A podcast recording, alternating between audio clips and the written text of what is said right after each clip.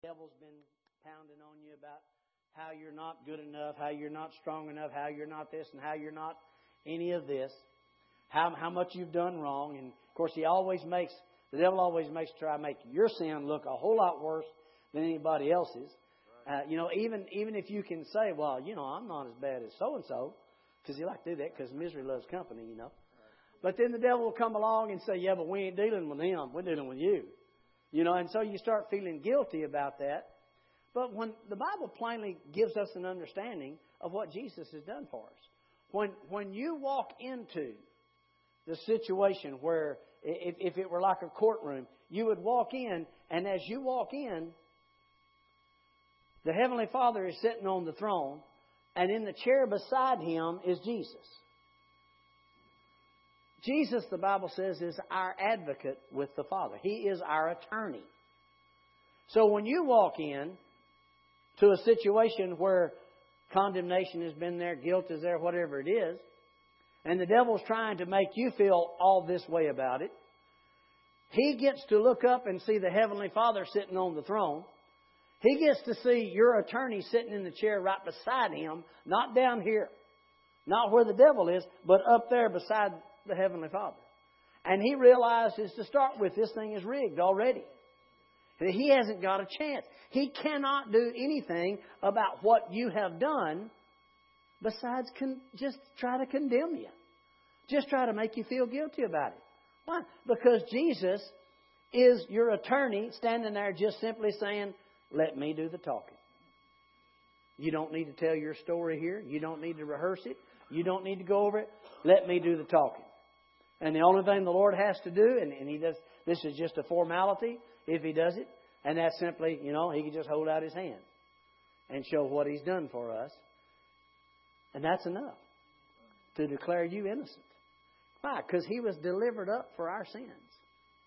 So you are not guilty even though you have committed those things. That's the difference between grace and the flesh.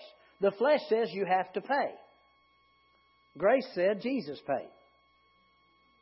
Now that's where the believing comes in, okay? And the reason I'm bringing this up is because you have a heavenly Father who wants to take care of you.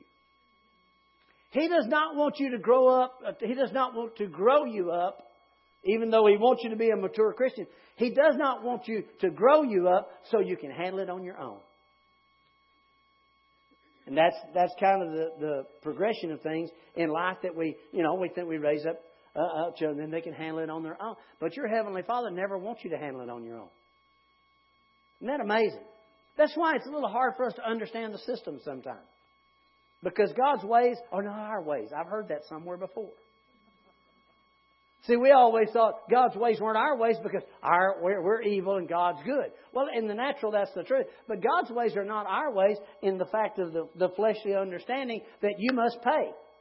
You must make your own way. You must do all this. And God says, No, I'm going to do that for you. Now and forevermore. So that's what we've been talking about. And I tell you what, let, let me jump to the end of my message. Is that all right? Let, us go over to the book of uh, Genesis. No, I'll tell you what, no, that's too far. Man, lie, we'd never get out of there. Uh,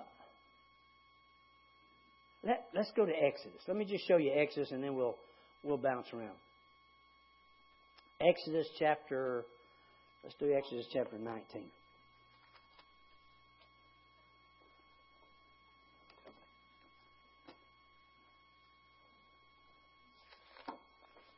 Now, this is something that growing up in church we did not have an understanding of because uh, everything, basically what we knew about the Bible was in English when I was a kid. I'm sure a lot of other people knew. I didn't.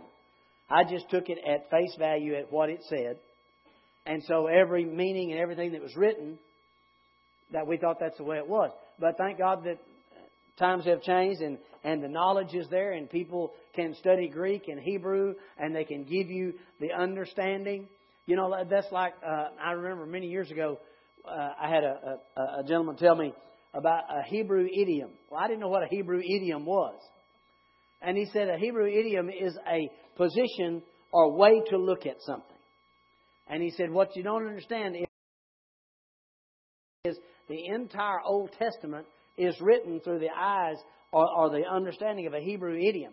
And this Hebrew idiom says that if you can do something about something and you don't, then it is considered you did it. So when you start looking at the Old Covenant or the Old Testament and you start reading and you see those things, some of these things, you, that, like God sent destruction, God sent this and God sent that. One understanding is when you find out that they didn't have a permissive verb to use back then. So instead of said that God had to allow or that this thing came from, they just said God sent. Well, that that, that changes your thinking. It causes you.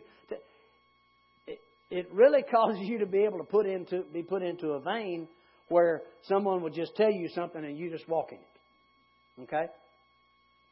Now, in reading Exodus 19, there's something here that we had not seen till I hadn't seen till just just a few years ago. Except in uh, verse one of 19 of Exodus, exactly two months after the Israelites left Egypt, they arrived in the wilderness of Sinai. After breaking camp at Rephidim, they came to the wilderness of Sinai and set up camp there at the base of Mount Sinai. Then Moses climbed the mountain to appear before God.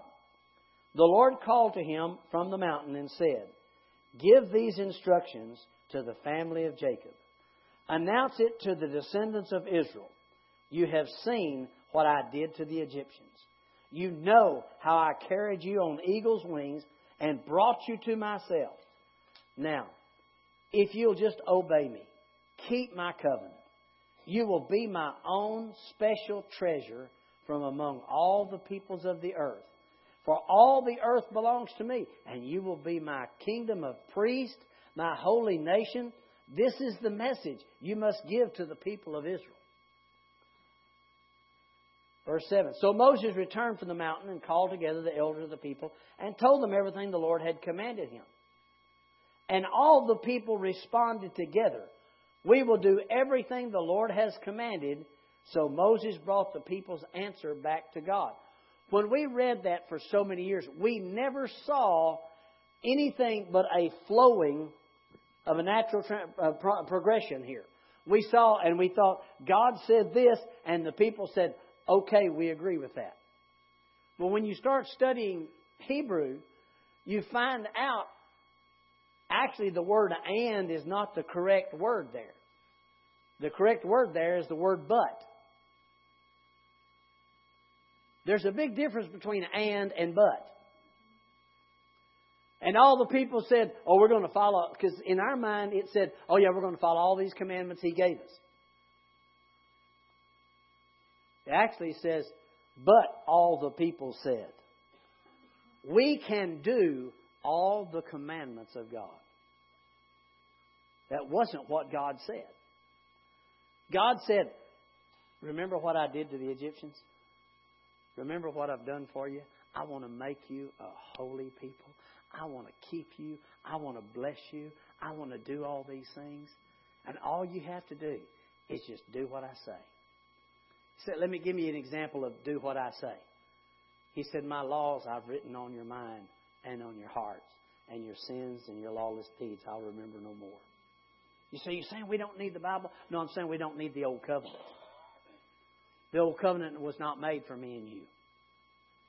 The new covenant was made for me and you. All right? What they were saying was, we are well able to keep all of God's laws. Well, that's, that's ridiculous. I mean, He gave them the law. He said, okay. I wanted to make you my own special treasure.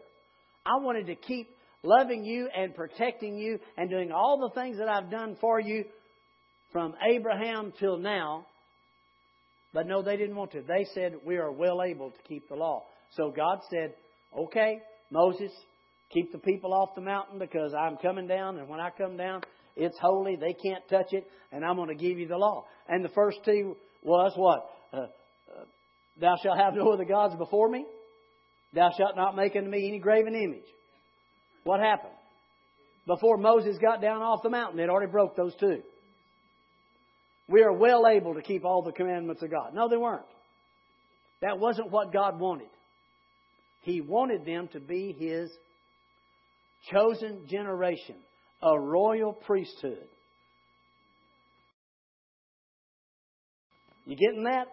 That he, you say, well, that sounds a lot like he said for us. Yeah, it is. He wanted them to be that, but they chose the covenant of law to go in there. And that law said you had to follow it perfectly. I know we've talked about this many, many times. Let me show you something. Galatians 3:10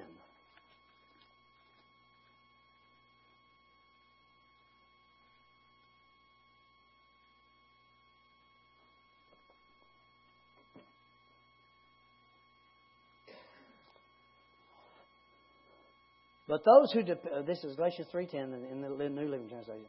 But those who depend on the law to make them right with God are under His curse. For the Scripture says, "Cursed is everyone who does not obey or observe and obey all the commandments that are written in God's book of the law." So it is clear that no one can be made right with God by trying to keep the law. It is through faith that a righteous person has life. All right? Now,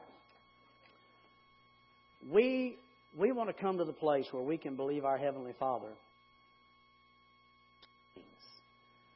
that He has said that we are, said that we can do, said that He's given us. We want to believe to. I don't know about you. I want them in this earth. I, I, I don't want to wait till till heaven. I, I need and desire all those things that He's promised me now. I want my family fixed now. I want my marriage right now. I want my health right now. I want the, I want it all right now. I'm sorry. That sounds tacky. Well, we can just wait till we get to heaven. I can't. Why? Because He didn't make us that way. He made us to want His will in our life right now. Now, the believing is the part of it, but we have to believe the right thing. Because we've grown up believing that if we do the right thing, then we receive. When the Bible says it is believing the right thing that causes us to receive. All right? So this covenant, now, I tell you what, we're in Galatians 3. Look at verse 7. The real children of Abraham, then, are those who put their faith in God. Now, you know, we, I think we talked about this last week, week before. The Bible calls Abraham the father of our faith. Now, why is Abraham the father of our faith when forever the church has lived by the law and definitely Moses is the father of that law? I mean, the, the natural father. God gave that into the hands of angels, He gave it to Moses' hands. Well, why, why is Moses not called our. The, the, well, he's the father of the law. We're not of the law. Abraham's the father of our faith.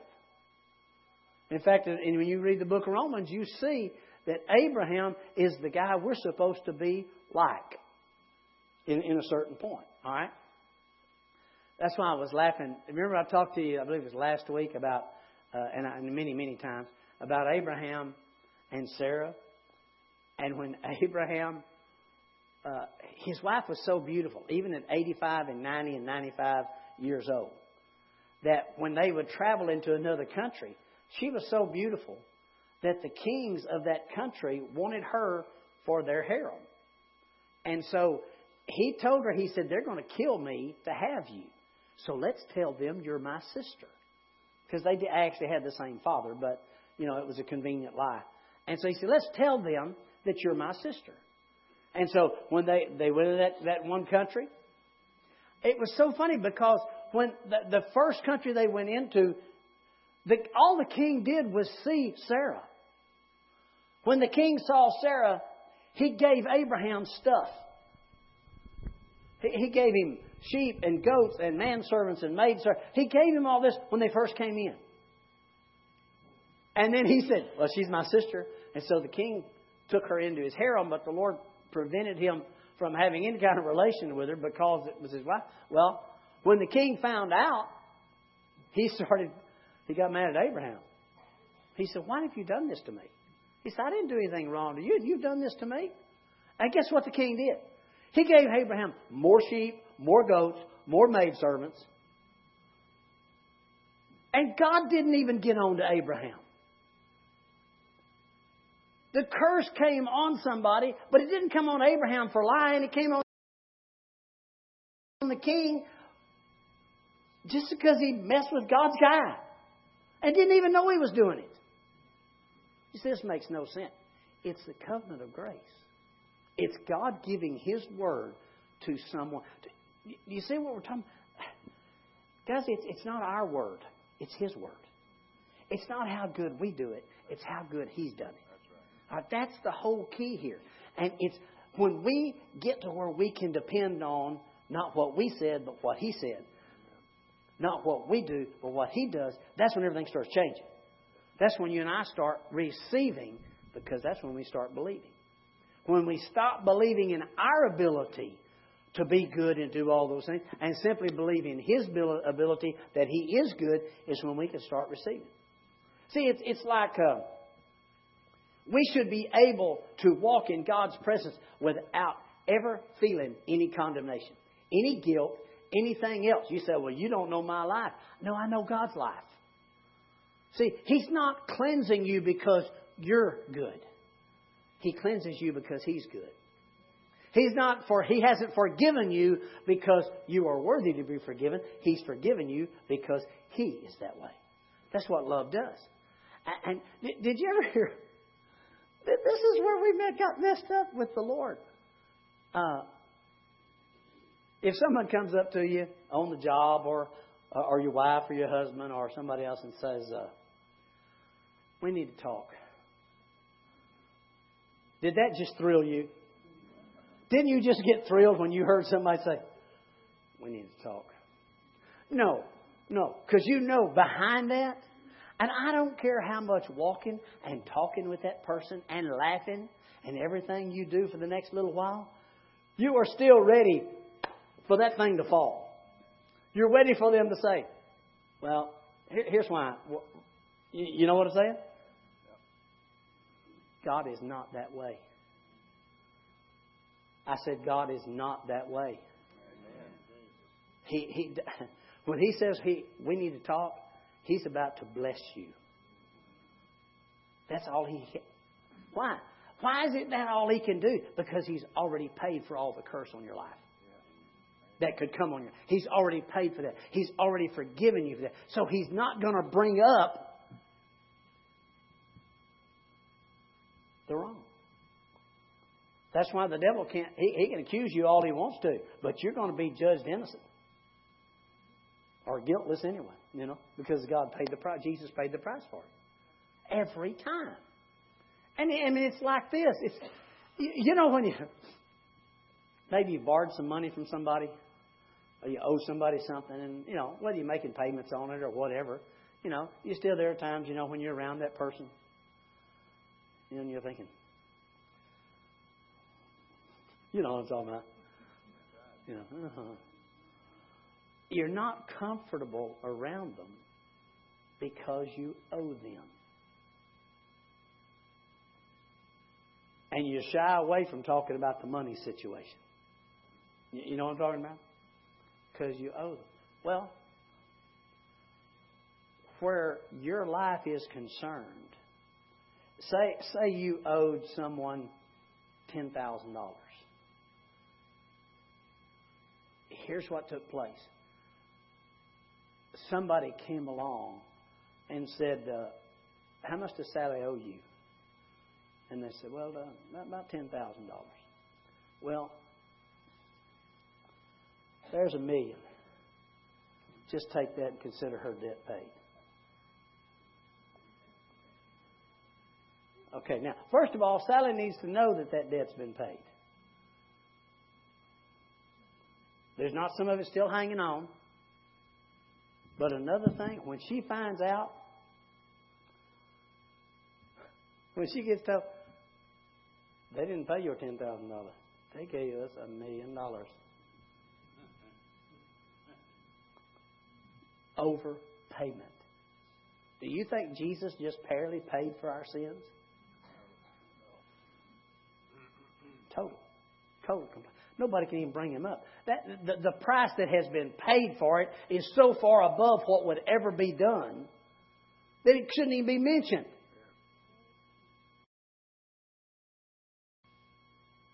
That's what Jesus did for you. You say, why are you going through this over and over and over? Because all we got to do is start believing this. When we start believing this, it starts changing our ability to walk boldly. But I owe God. No, you don't. Yes, you do, but no, you don't. In other words, yes, you owe Him everything, but He'll never bring it up. Why? Because He didn't pay it so you'd bring it up. He didn't pay it so He could hold it over you. He didn't pay it so He could control you. He paid it because He loves you. They didn't want to talk about it anymore. So when we get a hold of that, that's the difference between flesh and grace. Flesh says, You remember that time I did that thing for you? You remember that? Flesh does. Well, let me give you another one. You bless somebody with something because you saw. I don't even want to go here. You saw they were in need. You saw they were in need and tugged at your heartstrings and you gave them something. And you were just sure they'd go out and they'd buy something they just had to have, or they'd pay the electric bill, or they'd they'd buy groceries, or something, and then then you send them down to the beauty salon, getting their hair done and their nails fixed. I know none of you ever done anything like that. But what happens? Well, they should they should have been more responsible. I, I didn't give that. Oh, no, you're right. You didn't give that. You let them have it, but you still got strings on it. Don't shout me down because I'm preaching good now. Jesus doesn't do that. Why? Because he's better than any of us could ever be in the natural. He doesn't do that. That's the difference between flesh and grace. You, you see what I'm getting at? Go, go with me to Romans chapter 7. I've already got off my outline anyway, so.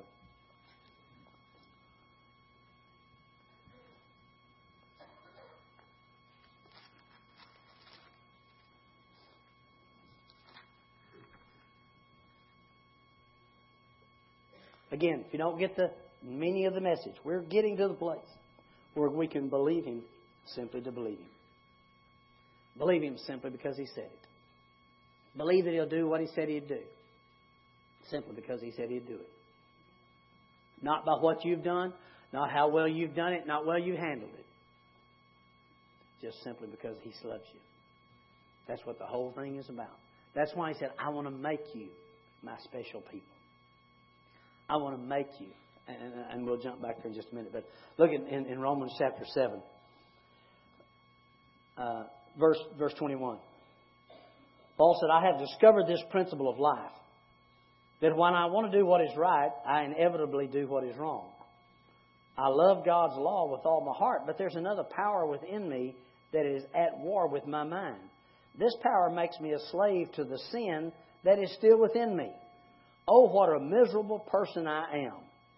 Who will free me from this life that is dominated by sin and death? Well, thank God. The answer is in Jesus Christ our Lord. So you see how it is. In my mind, I really want to obey God's law, but because of my sinful nature, I'm a slave to sin. So now, there is therefore now no condemnation to those who are in Christ Jesus. Why? Because the law of the Spirit of life in Christ Jesus has made me free from the law of sin and death. For what the law could not do in that it was weak, God did by sending His Son. I know if you're reading the King James, you know I notice I left out a, a verse. It was supposed to be left out because it's not in the original text. It was added there to help keep people in line. And for those those who walk not after the flesh but after the Spirit, and it was put in there for that purpose. But uh, it's not there. Why? Because you don't have to add anything to the blood. If the blood didn't do it, it ain't going to get done. If it takes the blood and, and, and something as far as your flesh is concerned for you to make the covenant right, then we're all in trouble. Because that means the blood wasn't enough, and it is. You can't transgress the blood. So far as Ernest would walk through the house and just, everyone he'd look at it and say, You can't transgress the blood. You can be as ugly as you want to be, you can mess it, you can do all this, but you cannot transgress the blood. That's the Savior that you and I serve. That's the one that's forgiven you. That's the one that loves you. That's the one that puts His power in your life.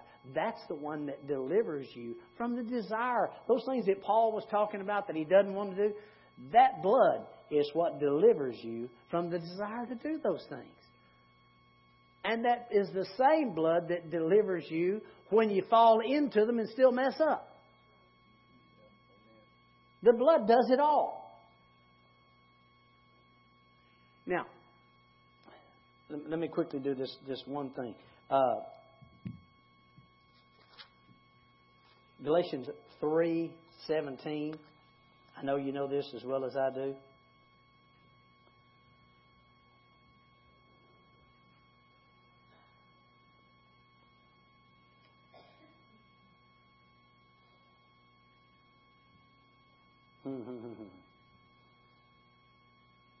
Back up to 15 for me, please. Dear brothers and sisters, here's an example of everyday life. Just as no one can set aside or amend an irrevocable agreement, so it is in this case. God gave the promises to Abraham and his child. And notice that the scripture doesn't say to his children as if it meant many descendants. Rather, it says to his child. And that, of course, means Christ. Now, this is what I'm trying to say. The agreement God made with Abraham could not be canceled 430 years later when God gave the law to Moses. God would be breaking his promise. For if the inheritance could be received by keeping the law, then it would not be the result of accepting God's promise. But God gave it graciously to Abraham as a promise.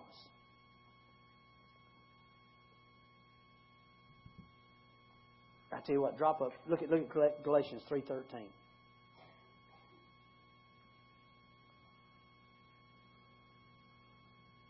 But Christ has rescued us from the curse pronounced by the law when he was hung on the cross. He took upon himself the curse of our wrongdoing, for it's written in the Scripture, Cursed is everyone who is hung on a tree. 14, please. Through Christ Jesus, God has blessed the Gentiles with the same blessing he promised to Abraham, so that we who are believers might receive the promised Holy Spirit through faith. In other words, you receive the Holy Spirit that produces all those things that the blessing in you has provided. Now, here's what he said that the blessing of Abraham might come on us. Not the blessing of Moses. Not the blessing of the law. Oh, oh, oh. I, I wrote this down. Galatians 3:13 reminds us that Jesus died to deliver us from the curse of the law, not the curse of sin. Whoa. Isn't that what it said? Christ has redeemed us from the curse of the law. I didn't write that. He wrote that. Put that up in the King James, please.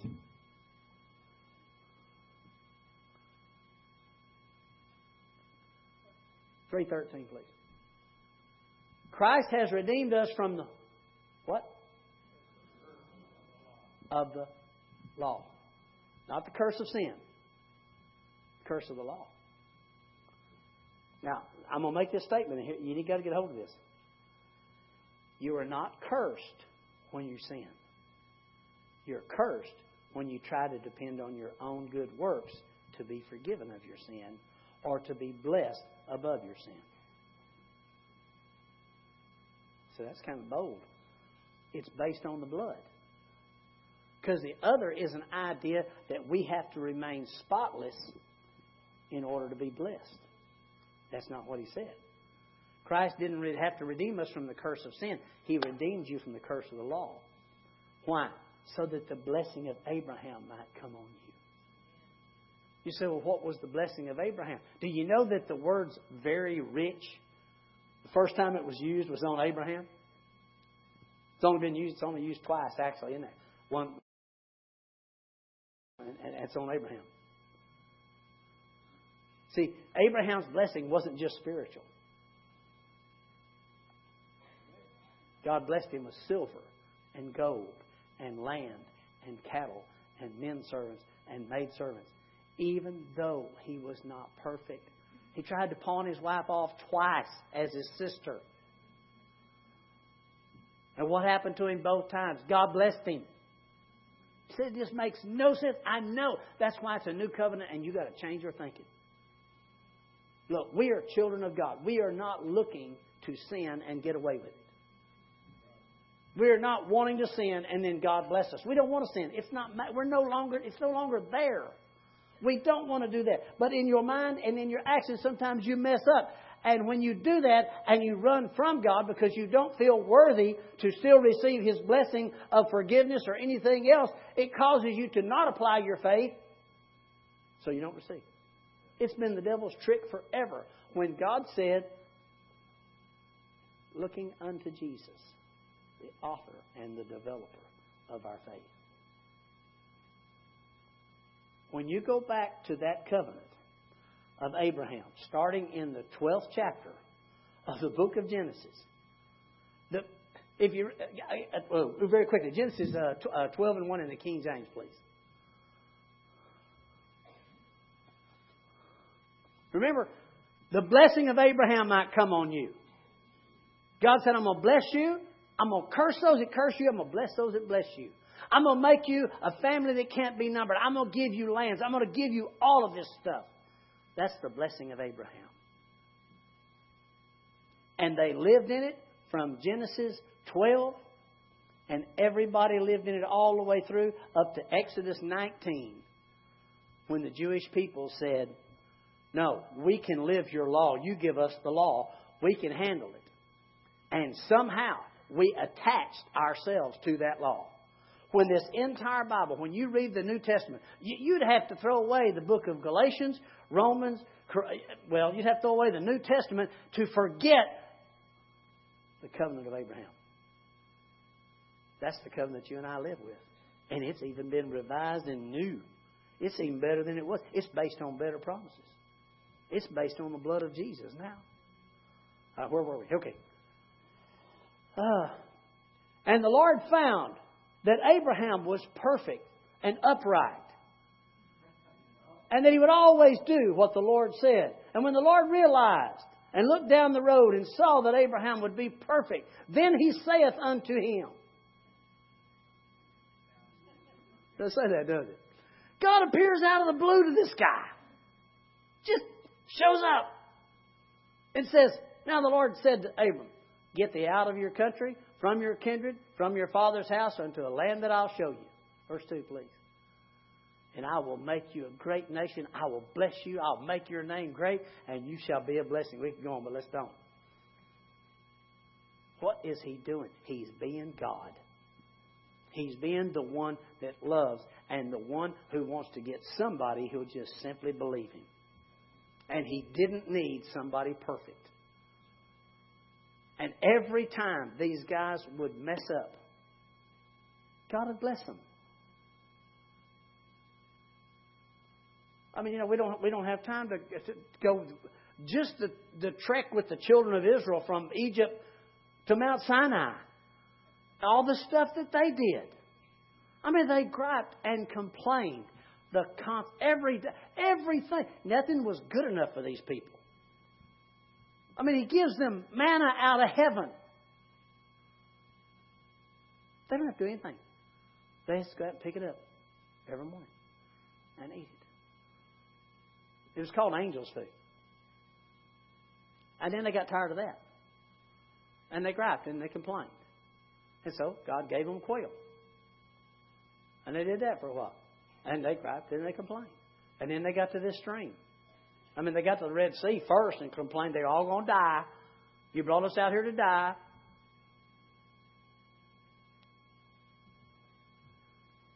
All us faith people, let me give you something. See, we always thought it was on us and it was by our confession that we made it. We always thought that.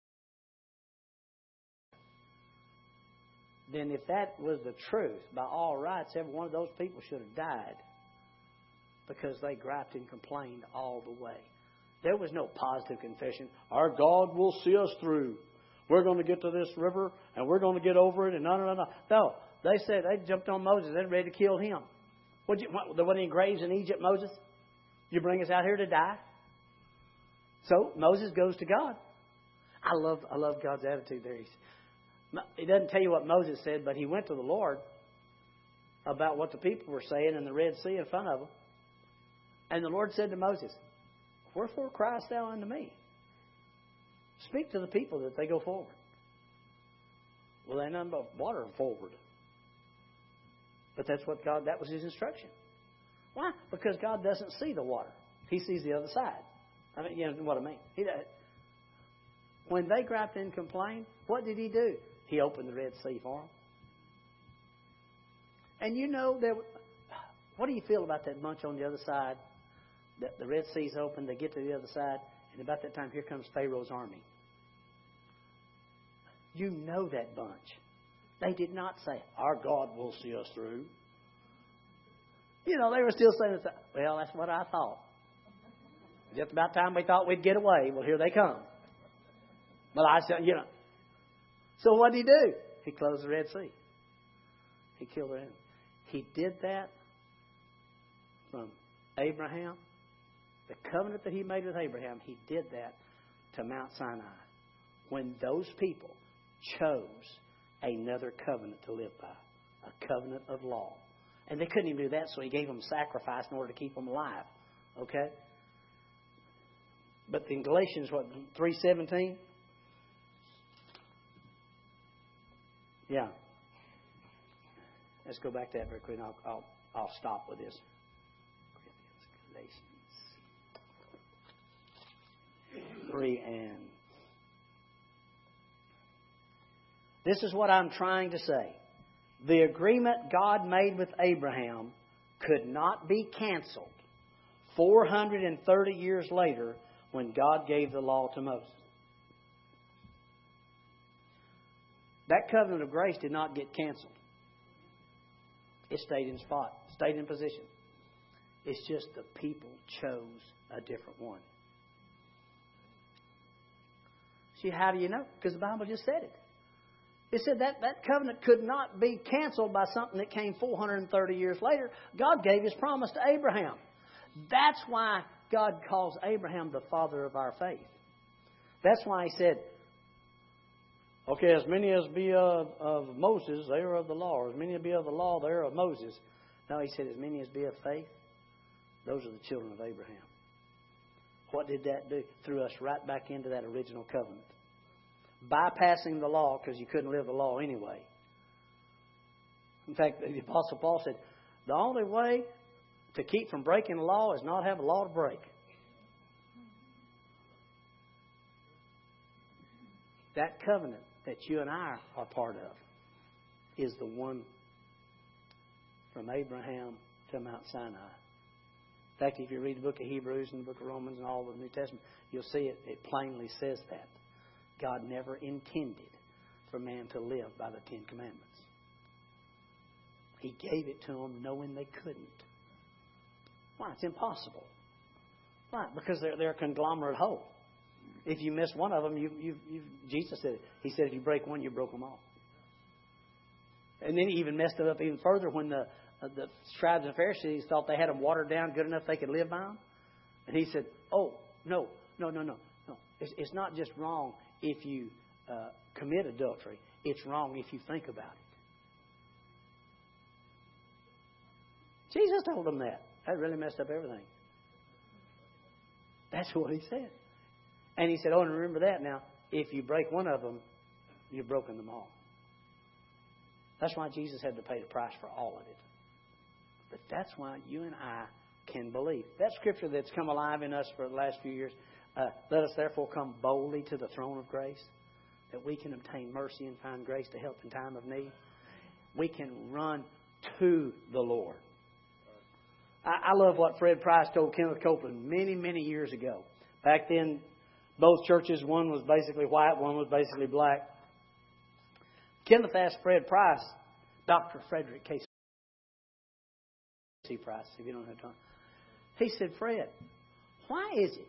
He said, when us white people come to church, he said, it just takes forever for, for, for the praise and worship to get in us, for ever to start doing anything, for us ever to feel like we're in the presence of God. And he said, black people can just walk in and they're in the presence of God. He said, I don't understand it. I just love to come to y'all services. And Fred said, Oh, Kenneth, that's easy. He said, The problem is, you white people just, y'all plead your case. We just plead guilty. plead guilty. We are guiltless, but we are guilty. We, the, the things that you do wrong do not keep you from the presence of Almighty God. What keeps you from His presence is not believing not believing that covenant of grace that He loves you. Now, when Jesus gave His life for us, the Bible says that, therefore, has He sent forth the Spirit of His Son into our hearts, crying, Abba, Father. That changed everything for us. Why? Because you're not someone just trying to do better. You're a child of the Most High God. You, you, the power of God can reside on you and in you and through you when you just stop thinking that it depends on you.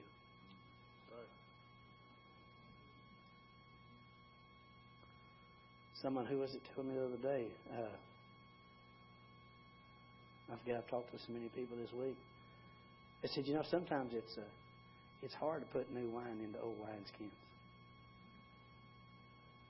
when you start talking about the grace of God and you're putting it into an old wineskin that's believed, I got to make this on my own. I got to use my faith. I got to do this. I got to do that. Now you keep putting the new wine there. It, it, it's going to change everything. Now this is not the representation of what the Lord said of new wine, because you are a new wineskin in Christ Jesus. Okay, but if you've tried to live by the law and live up to the law and done all that, your wineskin a little bit tough. Yeah, mm-hmm when he just simply said, Receive. Just receive his love. Receive your forgiveness. Receive the power to be healed. It's already in you. Just receive that healing. Receive that deliverance. The things that you can't get over or get by or stop doing or whatever, roll the care of them over on the Lord. I mean, let's face it, if you've been trying to get rid of it for 20 years and it hadn't worked, let's try something else. Y'all just all set straight face up. No, whatever it is, roll the care of that thing over on the Lord. Why? Because His grace is sufficient. Grace is sufficient does not mean I'm going to leave you in that mess. Grace means His willingness to use His power on your behalf is enough. You said, why does it make that much difference to it? Because it means that much to us. Every time we, we're not perfect, it causes an attack on our faith or attack on our understanding of using our faith. When the Lord says, cast all care upon Him, pray. Pray like you've never sinned.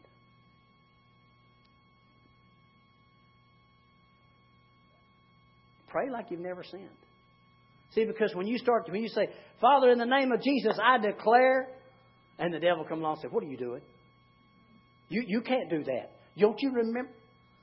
You were a little irritated. Remember something? You, you, what did he trying to do? Keep you from declaring God's word. Keep you from to talking to God about how wonderful He is, what He's done for you, how forgiven you are, how He made you how he made him who knew no sin to be sin for you. that you might be made the righteousness of God in Him when you get to heaven. No, right now. Right now. That's the covenant that you and I live in. It's the one. That's why I asked you the other day get your Bible and read from Genesis 12 to Exodus 19 and watch what happened to those people. Watch what God did. He. That's, that's why it's so funny to watch Abraham mess up. And when he goes into a place, he gets blessed. And when he comes out of a place, he gets blessed. Why? Because the blessing's on him. The blessing's on me and you. Our health, our wealth, our peace, our life, our joy, our family. This is the God that we serve. And there, you can tell nobody about how good you are. The only thing you can do is tell them how good He is. Right? That's the whole key to it right there. Let me tell you about my Jesus. You know, you don't even want to say, let me tell you how He made me perfect. No, no, no.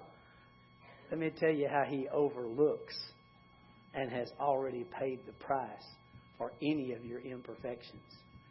And when He looks at you, if we use this talking about Ernest the other day, the, so many of you, if you didn't get to be at the funeral, and, and Ernest has touched your lives and talked to you and told you how special you were and how, how capable you are and, and all the things that Ernest would always say to everybody and lift everybody up. I said, we need about 12 people to take his place doing that. To get around to everybody and tell them how wonderful they are, how great they are. Ernest was not looking at what you were capable of doing. When he told every one of us that, he was looking at us through the blood of Jesus. That, that he, he, deliberately, that's what Ernest put in him. He would look what I tell people. I said, all, all these 23 years that this family's been with us, and all the messages and all the lousy messages I've preached, you know, because you get good ones from God, and sometimes between there and, and here, okay? But, but hey, God still uses them, don't get me wrong. But every time, Ernest would say, Oh, that's good, Pastor. That's good. Well, see, it wasn't about what I said, it's about what he received.